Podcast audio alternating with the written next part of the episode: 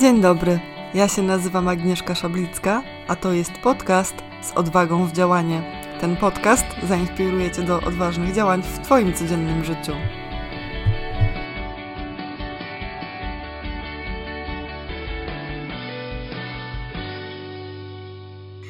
Dzień dobry, dzień dobry. Moim y, gościem, miałam się przedstawić, cholera, znowu zapomniałam. Ja się nazywam Agnieszka Szablicka, a to jest y, kolejna rozmowa z cyklu Odważne Rozmowy. Moją gościnią jest dzisiaj Zuzanna Podgórska, naukowczyni, ekspertka w temacie radonu, fanka Marii Curie Skłodowskiej. Cześć Zuzanna, dzięki, że przyjęłaś moje zaproszenie. Cześć, w końcu udało nam się zgrać, także bardzo się cieszę. Bardzo, bardzo, bardzo się cieszę. Y, trochę sobie już zaczęłyśmy o tym, y, o tym, o tym rozmawiać, że czasem jest tak, że trzeba właśnie się łapać i kombinować i do skutku, do skutku działać. Jeszcze pewnie do tego dzisiaj nawiążemy y, nieraz. My się z Zuzaną poznałyśmy na TEDx Warsaw Women, gdzie opowiadałaś w ogóle przyznam ci się szczerze, że ja zapamiętałam z twojej, z twojej opowieści, z twojej historii jedno zdanie, że nauka jest czymś bardzo pięknym. I po prostu tak mnie to ujęło i tak mnie to urzekło i jest mi to jakoś tak bliskie, chociaż ja w ogóle do nauki to jestem przecież jakby no, to ja bym była pewnie ostatnia, byłam strasznie słaba z fizyki, nawiasem mówiąc. I my dzisiaj będziemy sobie rozmawiać trochę właśnie o tym, jak to jest być kobietą w nauce, o odwadze, o różnych, różnych, ojej, no i oczywiście o TEDxie, no bo jeszcze, jeszcze w kontekście tej naszej, tej naszej wspólnej przygody ta rozmowa jest. Zuza, no to od początku. Czym jest dla Ciebie odwaga? Dość długo się nad tym zastanawiałam, bo e, pierwsze, co przychodzi na myśl, to to, że to jest brak e, lęku. E, no i zupełnie nie. Właśnie to jest to, co zawsze ty podkreślasz u siebie na kanale i w rozmowach, że żeby działać nie wtedy, kiedy lęku nie ma, być może są ludzie, którzy się nie boją działać, tylko działać pomimo tego, że się boimy. Więc to jest taki warunek konieczny, żeby w ogóle podjąć jakiekolwiek działanie. E, nawiasem mówiąc, ja jestem osobą, która potwornie się wszystkiego boi. E, I gdybym zawsze jednak była tym swoim lękiem paraliżowana, to bym nie robiła nic, bym się ukrywała i siedziała gdzieś tam pewnie w jakimś bunkrze. E, natomiast u mnie wygląda to tak, że ja ciągle się muszę przełamywać. I zastanawiałam się tak w ogóle, z czego to może wynikać, że jedni są, nie wiem, bardziej odważni, inni tej odwagi mają mniej. I mam wrażenie, że w moim pokoleniu, i mówię to na własnym przykładzie z pełną jak podpowiedzialnością, że my byliśmy tak po prostu wychowywane, że wiesz, dziewczynki e, miały być grzeczne, miały się nie odzywać, kiedy dorośli rozmawiają, e, nie przerywać i nagle nadchodzi taki moment, kiedy orientujesz się, że jesteś dorosłą kobietą i dalej się nie odzywasz, kiedy dorośli rozmawiają. E, I to jest coś po prostu strasznego. Ja akurat jestem jeszcze mamą dziewczynki, więc staram się, żeby ona nie popełniała tych moich błędów, bo ja gdzieś tam na swojej drodze szczęście spotkałam ludzi, którzy się zawsze te błędy wychowawcze naprawili. E, I ja tam musiałam się otworzyć. E, zobaczyłam, że to wcale nie jest taka jedyna właściwa droga, to takie e, bycie gdzieś tam na uboczu. I to było niesamowicie wyzwalające. To jest pierwsza rzecz. Natomiast właśnie ta odwaga w działaniu to nie jest brak, brak strachu. Tak jak mówię, ja, to jestem, ja, ja bym się bała wszystkiego i gdyby to mnie paraliżowało, to, to nie byłabym w stanie zrobić nic. E, łącznie z TEDxem, który e, tutaj akurat przyznaję się Wam, że to nie był przejaw e, odwagi. Ja po prostu nie wiedziałam, na co się pisze, więc to jest może taki nie do końca dobry przykład odwagi, bo tutaj ktoś we mnie z zewnątrz uwierzył. Ja nawet nie wiedziałam, czym jest ten tak dobrze ten TEDx, nie wiedziałam, że to jest tak ogromna impreza i złapałam się, ja byłam akurat pierwszą zmówczyń podczas tego wielkiego dnia i siedziałam później po przerwie na widowni i złapałam się na takiej myśli, że może ja to bym tak nie wyszła i dosłownie to był taka sekunda, gdzie ja się złapałam, ale chwila, chwila, właśnie zrobiłam to jakieś, e, ja wiem, 4 godziny temu. E, I to było dla mnie coś niesamowitego. E, jakby poziom stresu, jaki miałam przed tym, to może nie powinnam o tym opowiadać, bo naprawdę to się wydaje, że to jest wyjście na I to jest po prostu jakiś, pomijając fakt, że ja przecież wiedziałam, że jestem dobrze przygotowana, bo te przygotowania, jak to Agnieszka wiesz, to przecież trwa parę miesięcy, to nie jest tak, że ktoś mówi, a dzisiaj mówią, wystąpisz na TEDxie, jutro idziesz, mówisz to, co ci się na język przyniesie. Zupełnie nie. Ja miałam też potworny problem z tym, że przypomniały mi się moje lęki jeszcze z przedszkola, kiedy trzeba było tych wierszyków uczyć się na pamięć, bo ja teraz sporo występuję jednak, y, prowadzę szkolenia, y, gdzieś tam służbowo, zawodowo występuję przed dużą publicznością, nie mam z tym problemu, bo nigdy nie uczę się wystąpień na pamięć. E, a moją właśnie słabą stroną jest to, że ja nie byłam w stanie czegoś spamiętać. Dochodził do tego stres, że na pewno zapomnę w jakimś próbowym momencie. Dobiła mnie jeszcze próba generalna, podczas której zapomniałam tekstu w samym centrum wystąpienia. Więc mówię, nie, to, to po prostu się nie może dobrze skończyć. E, a już hitem było to, że e, no właśnie, na, nawet na szkoleniach ja zawsze mówię ludziom, że pamiętajcie, podczas wystąpień publicznych te 60% jakby scenariusza to są pozytywne rzeczy. Zawsze jakby skupmy się na tym, że to powinno pójść dobrze. To, co sobie wyobrażacie, się na pewno nie stanie, czyli te 60% się nie wydarzy. No i potem e, kiedyś się zastanawiałam nad tym, a co jest w tym, w tym drugim jakby worku, który zostawiamy, wypychamy z głowy i e, czego się najbardziej boimy. No i miałam jakieś takie wystąpienie akurat w pracy. To była taka sytuacja typowo biznesowa, e, gdzie ja miałam scenariusz ten taki, że wszystko będzie dobrze, dobrze się skończy, ale gdzieś z tyłu głowy, co się może wydarzyć, co będzie najtragiczniejszym scenariuszem z możliwych. No i teraz pewnie spodziewacie się puenty, że nie, nic się złego nie wydarzyło. Wydarzyło się moje najgorsze, najtragiczniejsze 5%. Czyli tak, zostałam wyłączona w trakcie mojego przemówienia, e, ktoś stwierdził, że się na niczym nie znam i tak dalej, i tak dalej. Więc ja tylko grzecznie, bo to było zdalnie, wyłączyłam kamerę, wyłączyłam mikrofon i tak mówię, co tu się właśnie zadziało. Nie powiem, że to po mnie spłynęło, e, ale teraz właśnie, wracając do tej odwagi, miałam odwagę, żeby kolejnego dnia znowu pójść i znowu gdzieś wystąpić. E, I to jest kwestia doświadczenia i też mam wrażenie, że mam większą odwagę, im większą mam listę porażek na swoim koncie, bo to mi pokazuje, że świat się nie zawalił tak naprawdę. Wiecie, że e, jedno z, nawet położone wystąpienie prawda, nie sprawia, że nagle, e, nie wiem, przestanę być dobrym mówcą, czy nie wiem, dobra w swojej dziedzinie. Ale jak zwykle dygresja do dygresji, powinnam Cię o tym uprzedzić. Ale wiesz tak co, to, to w ogóle takie cudowne, to są takie cudowne dygresje i po prostu już tutaj wyłapuję te wszystkie smaczki i wątki i będę je zaraz, wiesz, wyciągać i, mhm. bo, bo kilka mega ważnych rzeczy powiedziałaś. Jedno, co, co jest mi też bardzo bliskie, to to, że to faktycznie odwaga to nie jest jakby działanie, wiesz, to, to nie jest nawet dla mnie przełamywanie strachu, nie? To jest mhm. działanie pomimo, nie? Że ja czuję, tak, boję się, mam pełnego poperca, no ale idę, robię i występuję jakoś bardzo usłyszałam to i muszę ten wątek pociągnąć, y, bo powiedzieli, że im więcej masz porażek, tym masz więcej odwagi. Czy ja to dobrze usłyszałam?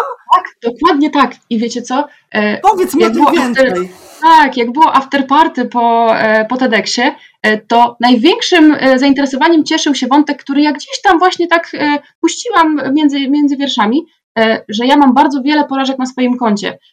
I to jest coś, o czym się nie mówi. E, na przykład odwaga do tego, żeby czegoś nie robić, to jest kolejne jakieś objawienie. Na przykład ja nie skończyłam, zaczęłam e, drugi kierunek studiów w momencie, kiedy już studiowałam e, studia inżynierskie na Politechnice i ja tych studiów nie skończyłam. I ja przez pięć lat na przykład babci się nie przyznałam. Babcia dalej czekała, aż ja przyniosę dyplom, bo mi było strasznie z tym źle. I potem okazuje się, że kurczę, powinniśmy mieć odwagę do tego, żeby powiedzieć nie, to mi po prostu nie pasowało, e, albo nawet nie zwalając na okoliczności, czy nie szukać okoliczności, to po prostu było trudne do pogodzenia dla mnie, bo było mnóstwo laboratoriów i w pewnym momencie te grafiki się nie dały nijak złożyć, e, ale pamiętam, że w momencie, kiedy ja sobie powiedziałam, ok, nie skończyłam tych studiów drugich, e, mam dyplom z tych pierwszych, wszystko jest ok, czegoś się nauczyłam na tych tak. drugich studiach, mam skalę porównawczą, to jest Politechnika, to Uniwersytet, coś tam z tego pierwszego roku wyciągnęłam i to nie jest żaden wstyd. I takie historie też są ważne. Bo tak jak w artykułach naukowych, my cały czas piszemy o tym, co nam wyszło i y, widzimy to, co powiedziała y, Angelika Chinkowska, żeby nie porównywać właśnie mm. czyjejś sceny ze swoimi y, kulisami, to jest dokładnie to, że tak. jakby widać TEDx, widać to, co jest na Instagramie czy na Facebooku, widać jakieś wystąpienia, jak wszystko jest super, ludzie klaszczą i tak dalej, ale za tym stoi bardzo wiele rzeczy, które nie wychodzą w życiu. Niesamowicie ostatnio jakby poruszyły mnie badania, które mówią, że tylko 3% ludzi, ludzi w Polsce, którzy zaczynają doktorat, e, potem staje się profesorami. Więc gdzie jest ta cała reszta? Mhm. I niestety część osób na mhm. przykład trafia do biznesu i ma poczucie, że e, w dużym uproszczeniu wygrało życie, bo do czegoś ten doktorat, mimo że nieskończony tytułem, e, i doprowadził. Coś, tak. nowe umiejętności, kompetencje, znajomości i tak dalej. Tak. I po prostu to był jeden z etapów kariery. Ale ile ludzi myśli w ten sposób, że jestem życiowym przegrywem, bo nie skończyłem tych studiów, albo nie mam tego tytułu. O, tak. I to powinno być już powiedziane na pierwszych zajęciach na doktoracie, że okej, okay, nie, nie wszyscy to skończycie, ale nie znaczy, że właśnie, że przegracie życie przez to, bo to jest krok do czegoś Aha. być może lepszego, innego, coś wam to uświadomi. E, doktorat też w ogóle nie jest dla wszystkich, e, bo nie każdy się w tym odnajduje i to też nie jest złe. Właśnie, żeby mieć taką perspektywę. I tutaj jest ta odwaga do tego, żeby powiedzieć, ok, to mi po prostu nie pasowało. E, więc ja mam takich porażek dosyć sporo na swoim koncie. Właśnie, mimo że mhm właśnie, patrząc na gdzieś tam na media społecznościowe, to jest niekończące się pasmo sukcesów. E, tylko, że właśnie te, te kulisy wyglądają zupełnie inaczej. I, I, czasami też warto na to, to spojrzeć. To jest w ogóle cudne. To jest w ogóle cudne, co mówisz i um, wiesz co, y, tak sobie, tak sobie pomyślałam teraz, bo zaraz cię, bo tak trochę, trochę krążymy wokół, wokół różnych wątków, ale a propos, yy, widzisz, zapomniałam, bo a, już wiem, co mi się coś, co mi się skojarzyło. Skojarzyło mi się to, że ja też mam taką porażkę na swoim koncie studencką, to znaczy się Ja studiowałam politologię, to był w ogóle, to jest w ogóle osobna historia z tą politologią, natomiast zawsze marzyłam o tym, żeby studiować filologię rosyjsko-angielską. I słuchaj, jak kończyłam tą politologię, to się okazało, że w Szczecinie, gdzie wtedy mieszkałam, otworzyli właśnie filologię rosyjsko-angielską. I tę filologię dostałam w ogóle z fantastycznym wynikiem. I myślałam sobie, je, spełnię swoje marzenie i w ogóle mhm. w końcu zostanę, zostanę tą tłumaczką. A ja już miałam wtedy chyba 20, 24 czy 25 lat, kończyłam politologię, pisałam magisterkę i myślałam, dobra, dobra, będzie okej. Okay. I ja po pierwszym semestrze na tej, na, tych, na tej filologii po prostu skonfrontowana z rzeczywistością, jak wyglądają studia filologiczne i że tam nauka języka to jest po prostu promil, a mi generalnie chodziło tylko o naukę języka, zrezygnowałam z tych studiów. I powiem Ci, że ja się później przez no. lata ze sobą mierzyłam, na zasadzie, że najpierw tak, wiesz, walczyłam, kombinowałam, starałam się i w ogóle, a później po prostu podjęłam decyzję, że trochę na zasadzie rachunku zysków i strat, bo ja też dostałam ofertę mhm. pracy wtedy, wiesz, mojej pierwszej pracy po studiach, tak. No i to był taki wybór na zasadzie, że dobra, albo będę udawała przed sama przed sobą, że to jest spoko i nie mhm. wiem, żyła na garnuszku, albo po prostu pójdę w dorosłość i po prostu poszłam w dorosłość, nie? Także na maksa mi to zarezynowało, ale poczekaj, bo już musi, pociągnę te wątki wszystkie dalej. Bo trochę usłyszałam o tym, jak praktykujesz w swoim życiu odwagę. Usłyszałam o tym, o tej roli takiej determinacji podnoszenia się po porażkach i myślę, że to jest w ogóle tak cudowne, co mówisz i to, żeby się nie porównywać do innych ludzi. Ja w ogóle z Angeliką też będę w najbliższych dniach rozmawiać, także, mm. także będziemy ten wątek też, też, też, też, też, też ciągnąć. Usłyszałam też o twojej, o twojej odwadze i o takiej odwadze, do której też, też sama, jak słyszę, zachęcasz, na zasadzie, że można zmienić zdanie, że można dokonać innego wyboru, że można pójść inną ścieżką, mm. nawet jeżeli o, o, jakby w pierwszej kolejności poszłyśmy inną ścieżką, czy poszliśmy, nie? A z Twoich ról życiowych, y, która Twoja rola najwięcej y, odwagi wymaga? No i tu też długo się nad tym zastanawiałam i pierwszym takim tropem było, y, była opieka nad dzieckiem z niepełnosprawnością, ale z drugiej strony ja go tak nie odbieram, więc to wcale nie jest trudne z mhm. widzenia rodzica, już teraz to widzę po trzech latach, a najtrudniejszą Aha. rolą jest godzenie nauki i biznesu w Polsce. E, I mówię to znowu, to jest dosyć odważna teza, e, bo to się mówi, to jest zwłaszcza teraz jakieś takie bardzo popularne pojęcie, że łączymy naukę i biznes. I niestety w wielu środowiskach jest tak, że każdy będzie ci bardzo mocno kibicował do momentu, jakby upadku tego przedsięwzięcia, jak splajtujesz każdy cię gdzieś tam, czy nie wiem, poniesiesz totalną porażkę po jakichś iluś tam latach, e, nie wiem, dofinansowań, każdy cię po plecach poklepie, powie, że okej, okay, okej, okay, no jakby w tym samym teraz znowu e, smutnym miejscu się znajdujemy, e, a nie daj Boże, jeżeli coś ci wyjdzie. I nie wiem, czy to jest jakaś typowo, po prostu my jeszcze chyba nie jesteśmy na to gotowi, bo to była najbardziej, wymagając największej odwagi decyzja w moim życiu, czyli zmiana pracy. To było jakieś, tak szybko licząc, 4,5 roku temu, E, bo to jest też tak, że dzisiaj ta moja odwaga do pewnych zmian jest zupełnie inna niż wtedy, kiedy byłam e, matką e, już jednego dziecka. Miałam pracę, z której jakby pracując dla idei było super, ja się spełniałam w tej pracy, natomiast no, nie starczało nam na przykład z mojej pensji nie wystarczyłoby na opiekunkę. Więc to już pokazywało, że Jasne. to mnie domaga w tym systemie jednak. Ja się nie czułam dowartościowana przez to, to potem jak się zaczęłam nad tym zastanawiać. Więc ta odwaga kiedyś była zupełnie inna niż, niż dzisiaj. E, I to był taki moment, kiedy ja już byłam w drugiej ciąży. Jego ciąża trwa 9 miesięcy, więc pomiędzy pierwszym dniem a ostatnim e, może się bardzo wiele zadziać. I ja już wtedy niestety wiedziałam, że jakby e, perspektywa zostania samotną matką jest bardzo bliska i jasna, ja ją widzę. No i wiecie, zaczęłam się zastanawiać nad tym, teraz mam totalny luz z tym i, i mogę śmiało o tym mówić, mimo że taka trochę prywatna to się przewija, ale to są ważne tematy, bo być może ktoś jest w takiej samej sytuacji i wydaje mu się, że to jest koniec świata. I ja wtedy zaczęłam się zastanawiać, mówię, kurczę, ja wiem, dżentelmeni o pieniądzach nie rozmawiają, ale ja tym swoim, e, nie wiem, e, zaangażowaniem w pracę i pracą dla, nie wiem, dla ogółu, ja tym lodówki nie zapełnię. I zaczęłam się zastanawiać, co ja mogę innego robić. Ta moja praca była na tyle niszowa, że ja wiedziałam, że no ciężko będzie znaleźć pracę w Warszawie, robiąc dokładnie to samo. No i pamiętam, że już taka przyparta nieco do muru, już byłam wtedy chyba na, na tym urlopie, na, na zwolnieniu takim przed porodem. Mówię, kurczę, muszę coś w życiu zmienić. To była decyzja niesamowicie trudna, bo ja nie wiedziałam, co mogę innego robić, w czym jestem dobra. E, to było tak, że ja dopiero co skończyłam studia magisterskie, już miałam jakieś tam doświadczenie w pracy, ale to też nie było, e, to nie wyglądało tak jak w tej chwili. E, miałam masę ograniczeń w postaci na przykład tego, że ok, mówię po angielsku, ale nie tak, że mogłabym pracować za granicą. To było coś, co się działo w głowie tylko i wyłącznie. No i pamiętam, że zaczęłam szukać jakiegoś laboratorium, które ewentualnie no, miałoby gdzieś tutaj blisko swoją siedzibę i mogłabym tam zacząć pracować. No i trafiłam na takie laboratorium e, szwedzkie, które w różnych krajach e, ma swoje oddziały i tak dalej. No i niestety patrzę w Polsce oddziału nie ma, więc już załamano mówię, no nie, no nie mam roboty. I tak, może na uczelni, może się przebranżowie. Mówię, fatalny moment w życiu. I pamiętam jak dziś, bo to było dzień przed terminem porodu, więc on się wykluć nie chciał, więc jeszcze miałam chwilę na jakieś tam ogarnięcie pokoiku. Natomiast dzień przed terminem wyznaczonym w książeczce dostałam telefon z tego właśnie laboratorium międzynarodowego z pytaniem, czy ja mogłabym im otworzyć polski oddział ja tak, pierwsza myśl była taka, Jezu, jaka szansa, jak cudownie, a potem, wiecie, spojrzenie na ten brzuch ogromny, już łzy w oczach, mówię, nie no, że niestety jakby sytuacja jest taka, że nie za bardzo e, i mówię, zadzwońcie do mnie za trzy miesiące. No i wiecie, to już było jak w kabarecie, że na zasadzie tak, tak, zadzwonimy do pani, zadzwonimy. E, no tylko, że zadzwonili. Ja z tym trzymiesięcznym e, dzieckiem pod pachą, na pół etatu, rzuciłam pracę w laboratorium, w którym wcześniej pracowałam, zdecydowałam się otworzyć ten polski oddział E, nie mając bladego pojęcia o biznesie. Czy ja założyłam własną firmę, bo to było coś, co nie dawało mi spać po nocach. Ja wiedziałam, że ja chcę to zrobić, e, właśnie żeby jakiś tam mieć powiedzmy plan B na życie. To się wiązało elegancko z tym, co robiłam na co dzień. E, w instytucie dostałam zgodę na prowadzenie własnej działalności na zasadzie, a i tak nie wyjdzie, to możesz sobie prowadzić. No i wtedy jakby też Szwedzi wiedzieli, że ja mam takie przynajmniej mgliste pojęcie o biznesie, a jednocześnie jestem naukowcem, który jest merytorycznie dobry.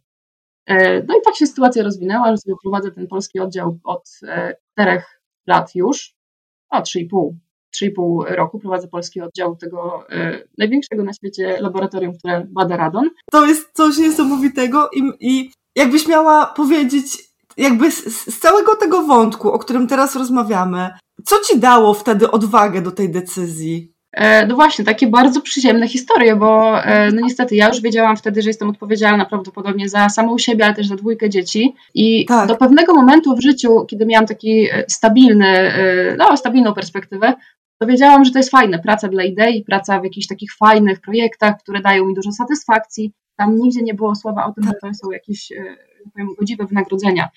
Przy czym ja godziłam się na to też przez to, że E, no wiedziałam, że to jest dobry punkt wyjścia, że ja się bardzo dużo tam nauczę, że e, no, dzięki temu też zdobędę doświadczenie, które mi się e, później może przydać. Więc jakby świadomie w, to, w tym byłam, ale też przez pewien czas po prostu bałam się jakiejkolwiek zmiany, bo wydawało mi się, że a, może będzie po prostu gorzej i nie miałam gwarancji, że, że to wszystko wypali. No a tutaj postawiłam na jedną kartę i tym razem, wiadomo, to nie było łatwe i nie zawsze miałam takie poczucie, że właśnie, że, że to jest, jak to mówiłaś, nie babeczki tęcze jednorożce, nie? Bo się tak wydaje, tak. że to własny biznes, bo ja nie muszę być 8 godzin w biurze i tak dalej, i tak dalej, ale to jest tak. też ogromna odpowiedzialność. E, także to była, to wymagało ogromnej odwagi. Zresztą e, samo właśnie łączenie nauki z biznesem nie jest łatwe w Polsce i mówię to ze swojej perspektywy całkiem świadomie, bo to jest tak, że jeżeli ktoś e, robi coś dla idei, no to wiadomo, że to ma domyślnie swoją wartość stereotyp naukowca, tak. w ogóle jaki jest w Polsce, że to jest wąsaty starszy pan, który e, robi coś nudnego, ale widzi w tym jakieś drugie dno, którego być może zwykły śmiertelnik nie umie dostrzec. E, no i tak spędza tak. swoje życie. Natomiast jeżeli ktoś mówi, że praca jest fascynująca, a oprócz tego jeszcze pełni taką rolę, jaką powinna pełnić praca, czyli jest źródłem dochodu jakiegoś stosownego, daje tak. szansę na rozwój i tak dalej, to już taka lampka się zapala, kurczę, tam coś jest nie tak, może to jest jakieś oszukane, może ktoś próbuje nas zrobić, żeby na tym zarobić. To są fatalne historie. E, I pamiętam niestety, jak e, brałam udział w takim konkursie, e, to był jeden z pierwszych moich występów publicznych, właśnie takich naukowych, gdzie opowiadałam o tym moim radonie, no właśnie jak to się mierzy i tak dalej.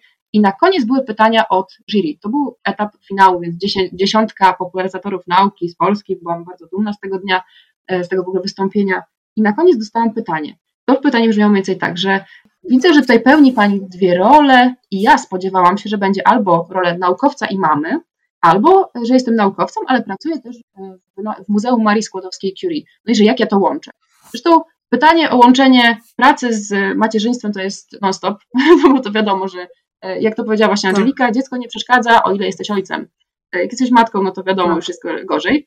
Natomiast e, pytanie było takie, jak ja to godzę, że jestem naukowcem i na tym zarabiam? I tu była taka pauza, co miało zasugerować, że ja pewnie oszukuję ludzi i na tym zarabiam. I tak sobie myślę, kurczę, e, na całym świecie to moje laboratorium bada ten radon, robi to komercyjnie też. Sprzedaje urządzenia i tak dalej. Ma to taką jakość, o której wiele gdzieś tam laboratoriów, które znam, mogłoby pomarzyć, a przychodzi ktoś, kto jest naukowcem, właśnie z tego mam wrażenie hermetycznego środowiska, ja też nie, nie miałam o to żalu, tylko widzę, jak bardzo skażeni, ludzie są skażeni takim myśleniem, że no właśnie, jeśli gdzieś wchodzi biznes, wchodzą jakieś, nie wiem, szanse zarobienia na tym, to na pewno to jest robione tak. źle, po to, żeby tylko ludzi oszukać.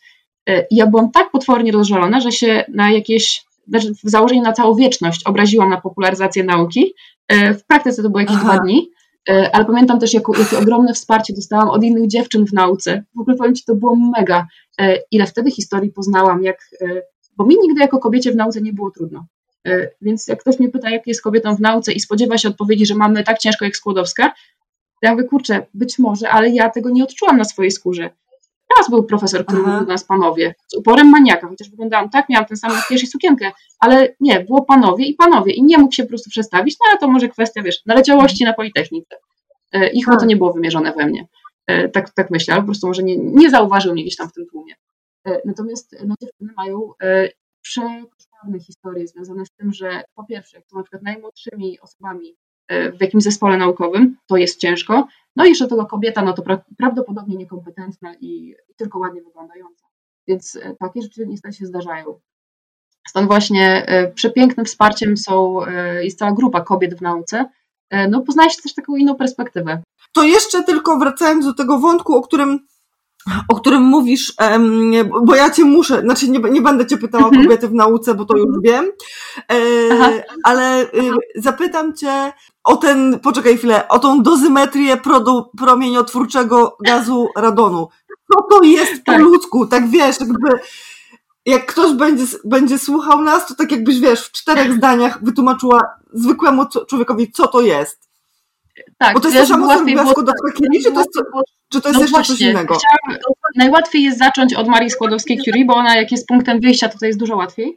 E, odkryła między innymi rad. Rad jest pierwiastkiem, który jest w skorupie ziemskiej. E, jest go dużo, on jest dosyć trwały, więc się szybko nam nie rozpadnie, ale rozpada się. E, to jest w ogóle jedno z największych chyba odkryć, nawet nie te nowe pierwiastki, tylko to, że atomy się zamieniają jedne w inne. Czyli właśnie rad okay. się zamienia w radon, ale różnica jest taka, że rad jest ciałem stałym, a radon jest gazem. Więc ten radon, który też jest okay. radioaktywny, powstaje pod ziemią i wydobywa się na zewnątrz. I o ile na jakiejś otwartej przestrzeni nie jest problemem, no bo małe są stężenia, niewiele tych atomów tam sobie lata, to kumuluje się w zamkniętych pomieszczeniach. I jeżeli tego radonu jest bardzo dużo, my go wdychamy, to on niestety napromieniowuje nam płuca od środka.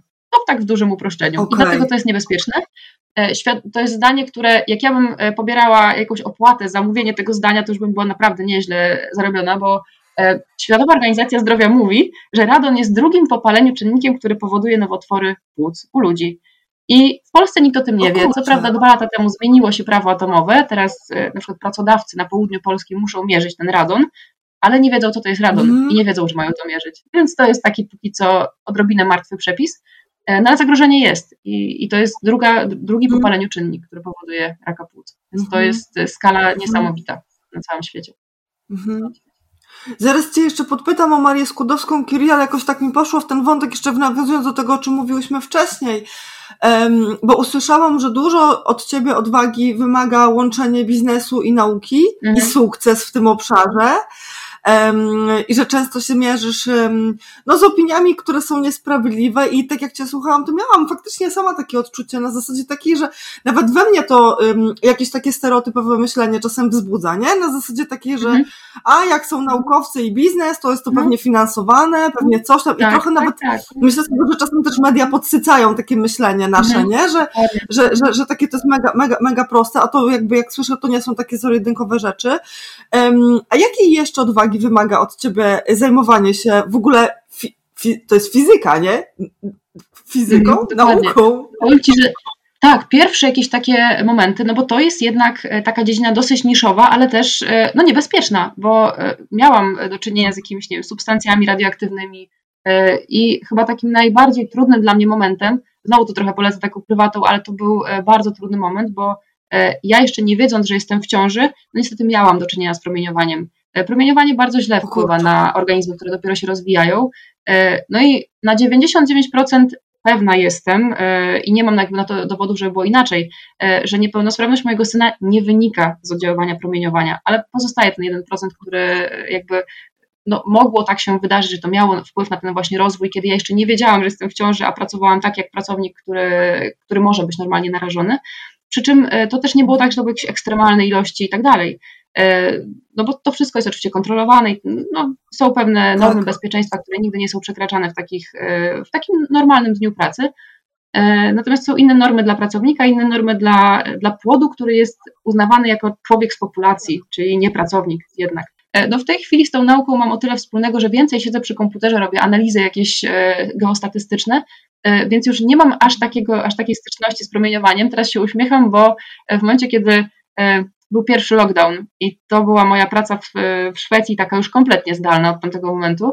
Byłam tam raptem dwa razy, miałam jeździć co miesiąc, e, ale widzimy się przez wideo, no bo taka jest teraz kultura e, pracy w naszym, naszej organizacji. Tak. To ja sobie kupiłam komorę e, rękawicową, taką laboratoryjną i postawiam ją w garażu i robię sobie swoje własne badania, więc to jest w ogóle niesamowity motyw, bo zaczęło mi tego po prostu brakować, takiej wiecie, czystej nauki, w takiej czystej formie, takiego właśnie robienia pomiarów, e, analizy, tego mi strasznie brakowało. Kupiłam tę komorę z dawnego, powiem o tym parę słów, bo to był e, taki szalony pomysł.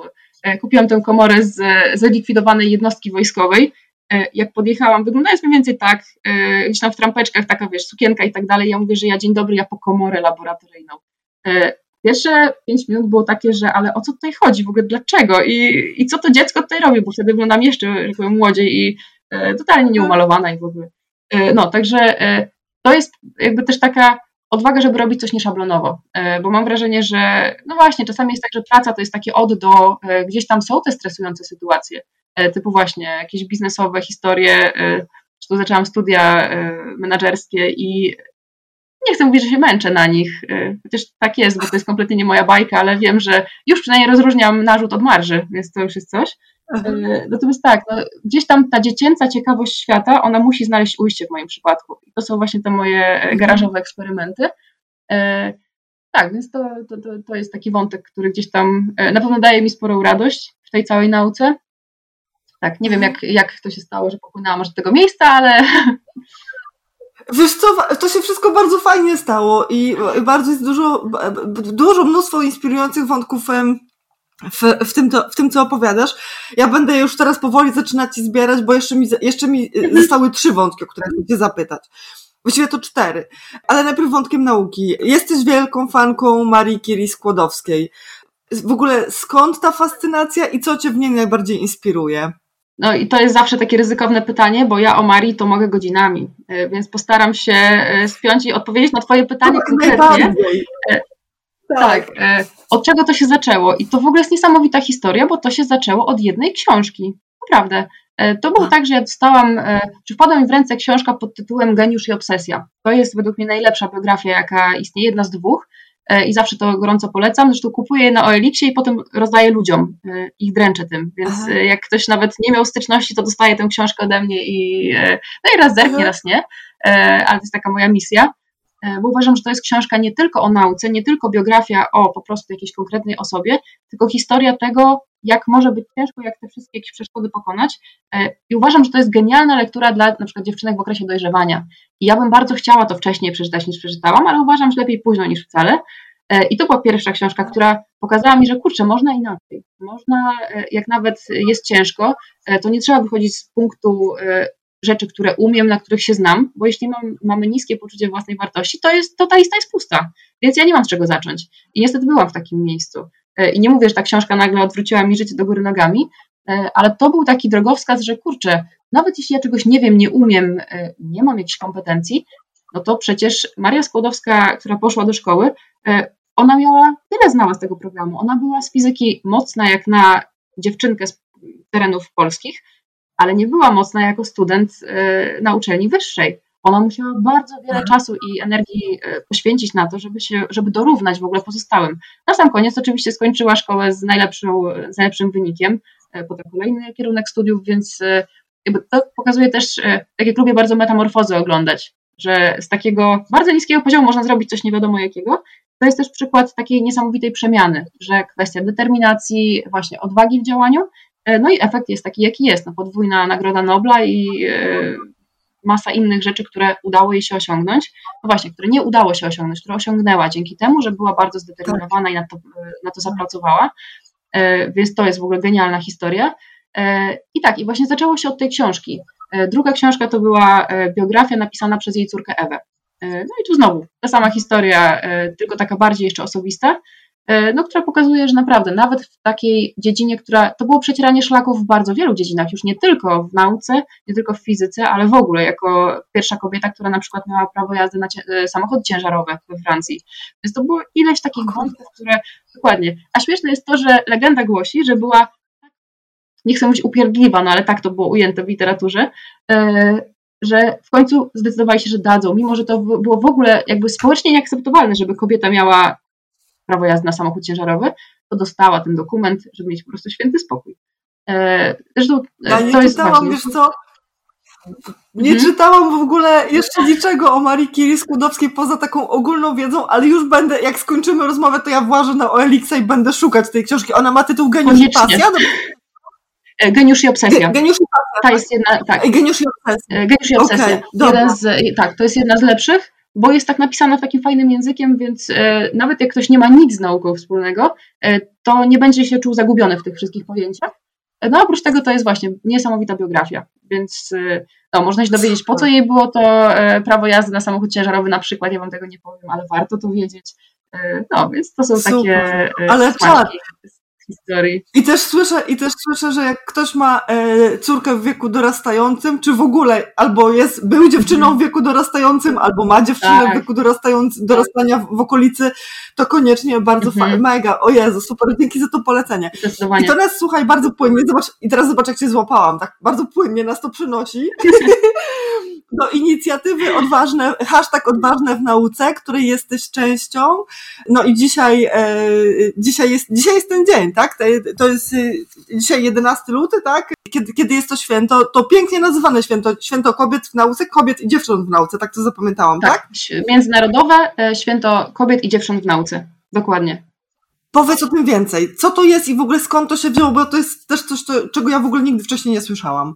Tak, zdecydowanie. E, ja miałam taką pierwszą refleksję, że sobie pomyślałam, dlaczego e, my musimy tak bardzo to podkreślać, że w ogóle kobiety w nauce istnieją, ale to jest ważne, bo e, rzeczywiście my od samego, nie wiem, od nawet czasów Marii Skłodowskiej-Curie, ona jest akurat znaną postacią z uwagi na Nagrodę Nobla i wiele innych wątków, ale jest bardzo dużo kobiet w nauce, które robią niesamowite rzeczy. Nawet jeżeli sobie spojrzymy teraz, tak jak Ci mówiłam, ja na własnym przykładzie nie doświadczyłam jakiejkolwiek dyskryminacji z powodu płci, czy nie wiem, Gorzej jest, że jestem zwykle najmłodsza w całej drużynie, że tak powiem, naukowców. To, to czasami e, odbija się rykoszetem. Natomiast sam, e, sama kwestia bycia kobietą w nauce, ja tego nie doświadczyłam jakichś minusów, ale koleżanki niestety miały bardzo wiele przykrych historii e, i dlatego też trzeba pokazywać, że to jest jednak nasza rola. Po pierwsze, niczym nie odbiega od męskiej roli w świecie nauki. Nawet kiedyś to jakby nie wierzcie w to, bo możecie spotkać taki mem, jest z Marią Skłodowską, która zapytana, czy jest feministką, powiedziała, że ale jak można mężczyznom wmawiać, że są równi kobietom? I e, to jest zresztą, to oczywiście jest wyrwane z kontekstu, kompletnie sparafrazowane, e, ale to jest właśnie takie podsumowanie, że no nie wmawiajmy, nie to tak z, z oka, natomiast e, tak, ten dzień pokazuje, że przede wszystkim uświadamia, że jest nas naprawdę bardzo dużo. Często to jest tak, że my siedzimy gdzieś tam w tych laboratoriach zamknięte, nie mamy też odwagi, żeby wyjść chociażby z popularyzacją nauki. To jest coś, co ja zrobiłam podczas tego naszego TEDxa. Ja miałam straszne obawy przed tym, e, no bo wiecie, mówienie o nauce, o popularyzacji, czyli o, tak jakby prosto o nauce, ale nie za prosto, do naukowców, czy do osób, które wiedzą, czym jest popularyzacja, to jest dosyć proste, proste zadanie. Ale wyjść do szerokiego grona odbiorców, gdzie nie wiem, kto jest na, na widowni, okazało się, że tysiące osób nas to oglądało, e, i zacząć mówić o nauce, która jest odbierana jednak stereotypowo, e, ja miałam potworne obawy, czy to zostanie zrozumiane i dobrze przyjęte. E, natomiast, no właśnie, w tych naszych środowiskach naukowych, to co też mówiłam podczas TEDxa, że niektóre środowiska nie są gotowe na tę naukę w takim życiu codziennym, na mówienie o nauce. Dlatego też te część jednak kobiet w nauce siedzi w laboratorium, nie opowiada o, o tym, co robi. Po pierwsze, boi się krytyki, że to będzie nudne dla kogoś, że może do kogoś to nie dotrze, ktoś tego nie zrozumie i tak dalej, i tak dalej.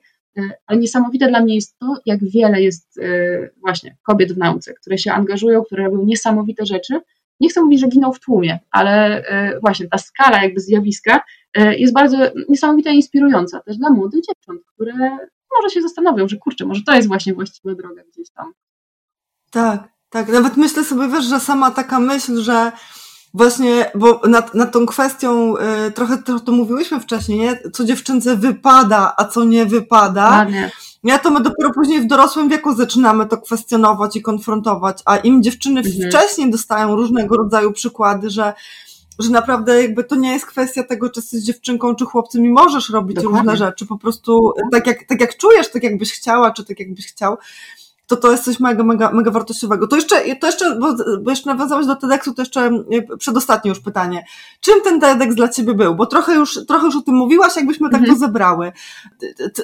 Czym on dla Ciebie był? Bo masz doświadczenie ja w tak. wystąpieniach, tak. tak jak sama mówiłaś, ale, e, ale, ale słyszę, że tam było coś, coś więcej jeszcze pod spodem. Tak, ja myślę, że tu są e, co najmniej trzy rzeczy. Po pierwsze, no, spotkanie niesamowitych ludzi. To jest, z którymi właśnie, to jest niesamowite, bo My siedzimy w tych takich swoich bańkach zamknięci, a tutaj mam wrażenie, że spotkałam ludzi z przeróżnych po prostu grup e, i ciekawe, bo się, miałam wrażenie, że się identyfikuję z każdą jedną historią praktycznie, która była na scenie, e, czy z twoją historią, czy z historią Angeliki, e, czy z historią Beaty i jej synka Mikołaja, tak jak ja mam synka Mikołaja.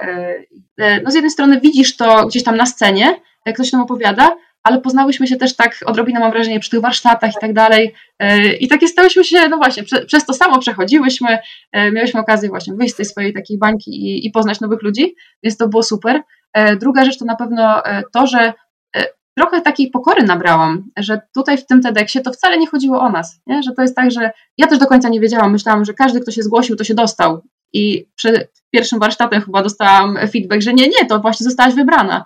E, a ja kompletnie nieświadoma i tego, jak to jest wielkie wydarzenie. E, więc troszeczkę pokory też nabrałam, że wydawało mi się, że ja jestem sama w stanie przygotować mowę. E, właściwie wiem najlepiej, jak to, to chcę powiedzieć, a rola mentora była taka, żeby naprowadzić, bo jednak zna się na tym, jak mowy TEDxowe wyglądają. No i to mnie nauczyło pewnej, pewnej pokory i dzięki temu ta mowa ostateczna wyszła taka, jaka wyszła, z której byłam bardzo zadowolona. No i też, e, no właśnie, umiejętność pracy z drugim człowiekiem, który też jakby szanowania jego zdania. To się wydaje, że to jest oczywiste, bo ja w teorii to byłam zawsze mocna, że tak, trzeba się dogadać i umieć pracować w grupie i tak dalej. A tu jednak mam takie e, potężne poczucie bycia indywidualną osobą, która wie, co ma w tym serduchu i chce to powiedzieć. I to jest właśnie chyba kluczowa rzecz, że ten TEDx polegał na tym, że masz coś tam głęboko, co uważasz, że jest wartościowe. E, I okej, okay, jak ja idę na jakiś wykład, mówię o tych swoich naukowych rzeczach, i ktoś tego nie, nie zrozumie, nie przyjmie, nie spodoba mu się, to to nie jest takie bardzo. Natomiast tutaj mówiłam o rzeczach, które naprawdę gdzieś tam są dla mnie ważne, no i bałam się tego odbioru. E, czy jak przyjdę i zacznę mówić o mhm. nauce i o mówieniu o nauce, e, czy ludzie nie powiedzą, że na przykład, że to nie jest e, temat TEDxowy, albo że, no nie wiem, nie pasuje do pozostałych. Miałam masę różnych takich właśnie refleksji. Aha. No i pokazało mi, że jednak, kurczę, mimo takiego właśnie strachu, no warto się odważyć, że to jest dla mnie ważne i pójść z tym, co naprawdę czułam. Ale powiem ci, wiesz co, że ja, bo rozmawiałam też z kilkoma osobami i, i też jakby jak ciebie słucham teraz, to mam takie, bardzo jest mi blisko do tego, bo ja miałam dokładnie takie same, wiesz, przemyślenia, mm. nie? Przed TEDxem, na zasadzie w ogóle, ja? Co ja tu robię, nie? Ja tu Dokładnie. będę w ogóle pasować, nie? Ja jakby miałam świadomość, że, że nas tutaj wybrali, ale nawet wiesz, pamiętam jak jechałam już na próbę, w sensie przed mm naszym, przed samym, przed samym wydarzeniem, to mówiłam do mojego męża, mówię, ty w ogóle te kobiety, one wszystkie takie wspaniałe, takie w ogóle i ja, on mówi, no oczywiście, że ty między nimi, ale na pewno ja. I to, jest, I to jest niesamowite, bo to jest taka sytuacja, która jakby mimo jakiejś tam, wiesz, wewnętrznej w miarę pewności siebie i tam wiadomo, że każdy ma lepsze i gorsze momenty i w ogóle, ale to jest taki kaliber po prostu, dla mnie to był też taki kaliber wydarzenia, że mnie na maksa skonfrontował z różnymi takimi, wiesz, historiami we własnej głowie, czy ja tu w ogóle zasługuję, żeby być, tak. czy to moja historia jest wystarczająca, jak słysza, słucham ciebie, to to jest w ogóle, wiesz, miód na moje serce, żeby wszystkie takie byłyśmy tam po prostu niepewne i zestresowane, nie? Dobra, Zuza, będziemy, słuchaj, powoli domykać. Jakby nas ktoś słuchał albo oglądał, ktoś, kto czuje jakiś pociąg do nauki, albo chciałby, albo um, nawet wiesz, może niekoniecznie w aspekcie kariery takiej jakiejś naukowej, ale nie wiem, eksperymentowania, kupienia sobie zestawu małego chemika, um, albo może właśnie pójścia gdzieś na studia, czy, czy, czy jakiegoś rozwoju w tym dziedzinie, ale się trochę boi, um, albo mhm. boi się nawet bardzo, to co byś podpowiedziała takiej osobie? Przede wszystkim ja bym spojrzała e, nie na rzeczy, które gdzieś tam umiem na ten punkt, z którego zaczynam, e, tylko na rzeczy, które widzę gdzieś tam, o czym marzę i co bym chciała robić dalej. Albo e, fajnie na znaleźć sobie, jak ja patrzę na dziewczyny na Instagramie, te właśnie naukowe instagramerki, naukowczynie, które o tym opowiadają, to jest taka kopalnia inspiracji, chociażby przy tym hashtagu właśnie odważne w nauce, to myślę, że nie trzeba wtedy kogoś bardziej do tego przekonywać, że to jest coś wartościowego i tutaj można naprawdę nieźle się zainspirować. E, jedyne, co nas może blokować, to właśnie takie myślenie, że nie jest miejsce dla dziewcząt, dla kobiet. E, ja Wam nie powiem, że będzie łatwo, bo czasami, czasami nie jest, ale mogę Wam powiedzieć, że będzie warto. E, Zuza, dzięki serdecznie. A w ogóle dziękuję Ci za rozmowę i w ogóle to życzę Ci wszystkiego to najlepszego ja z okazji mojego święta. Tak, ja myślę, że to jest piękne uhonorowanie tej daty. Tak, powiedz, powiedz mi jeszcze, gdzie cię można znaleźć? Gdyby ktoś się właśnie chciał zainspirować, bo mamy hashtag odważne w nauce i można sobie go na mhm. Instagramie obserwować. Gdzie ciebie można jeszcze znaleźć i gdzie cię można obserwować, gdyby ktoś się chciał y, tobą zainspirować, powiedz? E, wiesz, to takim chyba najbliższym w tej chwili mojemu sercu miejscem w sieci jest właśnie Instagram. Jak będzie się dało gdzieś w opisie tam wrzucić, to, e, to śmiało. Mało jest postów, sporo relacji, tak, bo tak. E, łapię takie właśnie chwile z życia naukowca, popularyzatora nauki, sporo się dzieje właśnie w różnych stowarzyszeniach, w których działam, w fundacjach. No i tym też staram się właśnie dzielić, więc i zawsze, to jest też tak, taki mój tip, że jeśli poznacie kogoś takiego, wydaje wam się, że to jest a, jakaś postać z internetu, e, czy ktoś, kogo widzicie, nie wiem, na stronie e, jakiegoś konkursu, albo e, wiecie, że można takiej osoby napisać i ona zazwyczaj odpisze. I to jest w ogóle mega. Zrobiłam tak parę razy w życiu, trochę nieszablonowo, ale to jest niesamowite, więc nie, jakby nie obiecuję, że odpiszę od razu, ale jeżeli będziecie mieli jakiekolwiek pytania, to naprawdę śmiało. Ja jestem zawsze otwarta na jakieś takie kontakty. Super, dzięki serdeczne. Oczywiście link będzie podpięty tutaj pod naszą, e, pod naszą rozmową, żeby łatwo było e, Ciebie znaleźć. Jeszcze raz dziękuję Ci za rozmowę. To ja Ci bardzo dziękuję i za e, cierpliwość, to, że udało nam się zgrać, bo że tak się cieszę, bo naprawdę mam wrażenie, że ten TEDx to, to nie było wcale tych kilka minut na scenie, tylko mieliśmy okazję naprawdę się poznać i no chociaż to nie jest jeszcze koniec naszej wspólnej historii. No wiesz, to jest trochę ta historia właśnie o determinacji, nie? W sensie takim, że są takie, ja mam takie poczucie, że jak to jest dla mnie na maksa ważne, to ja po prostu cisnę do skutku, cisnę do skutku. Cieszę się bardzo, dzięki bardzo za tą rozmowę. Moją gościnią była dzisiaj e, Zuzanna Podgórska, popularyzatorka nauki, naukowczyni, mama, kobieta odważna w nauce. Dzięki serdecznie za dzisiaj. Dziękuję Ci bardzo. Jeśli ten odcinek może komuś pomóc albo kogoś zainspirować, przekaż go proszę dalej. Jeśli chcesz obserwować moje działania, znajdź mnie na Facebooku albo na Instagramie. Ja się nazywam Agnieszka Szablicka, a to jest podcast z odwagą w działanie. Do usłyszenia w kolejnym odcinku.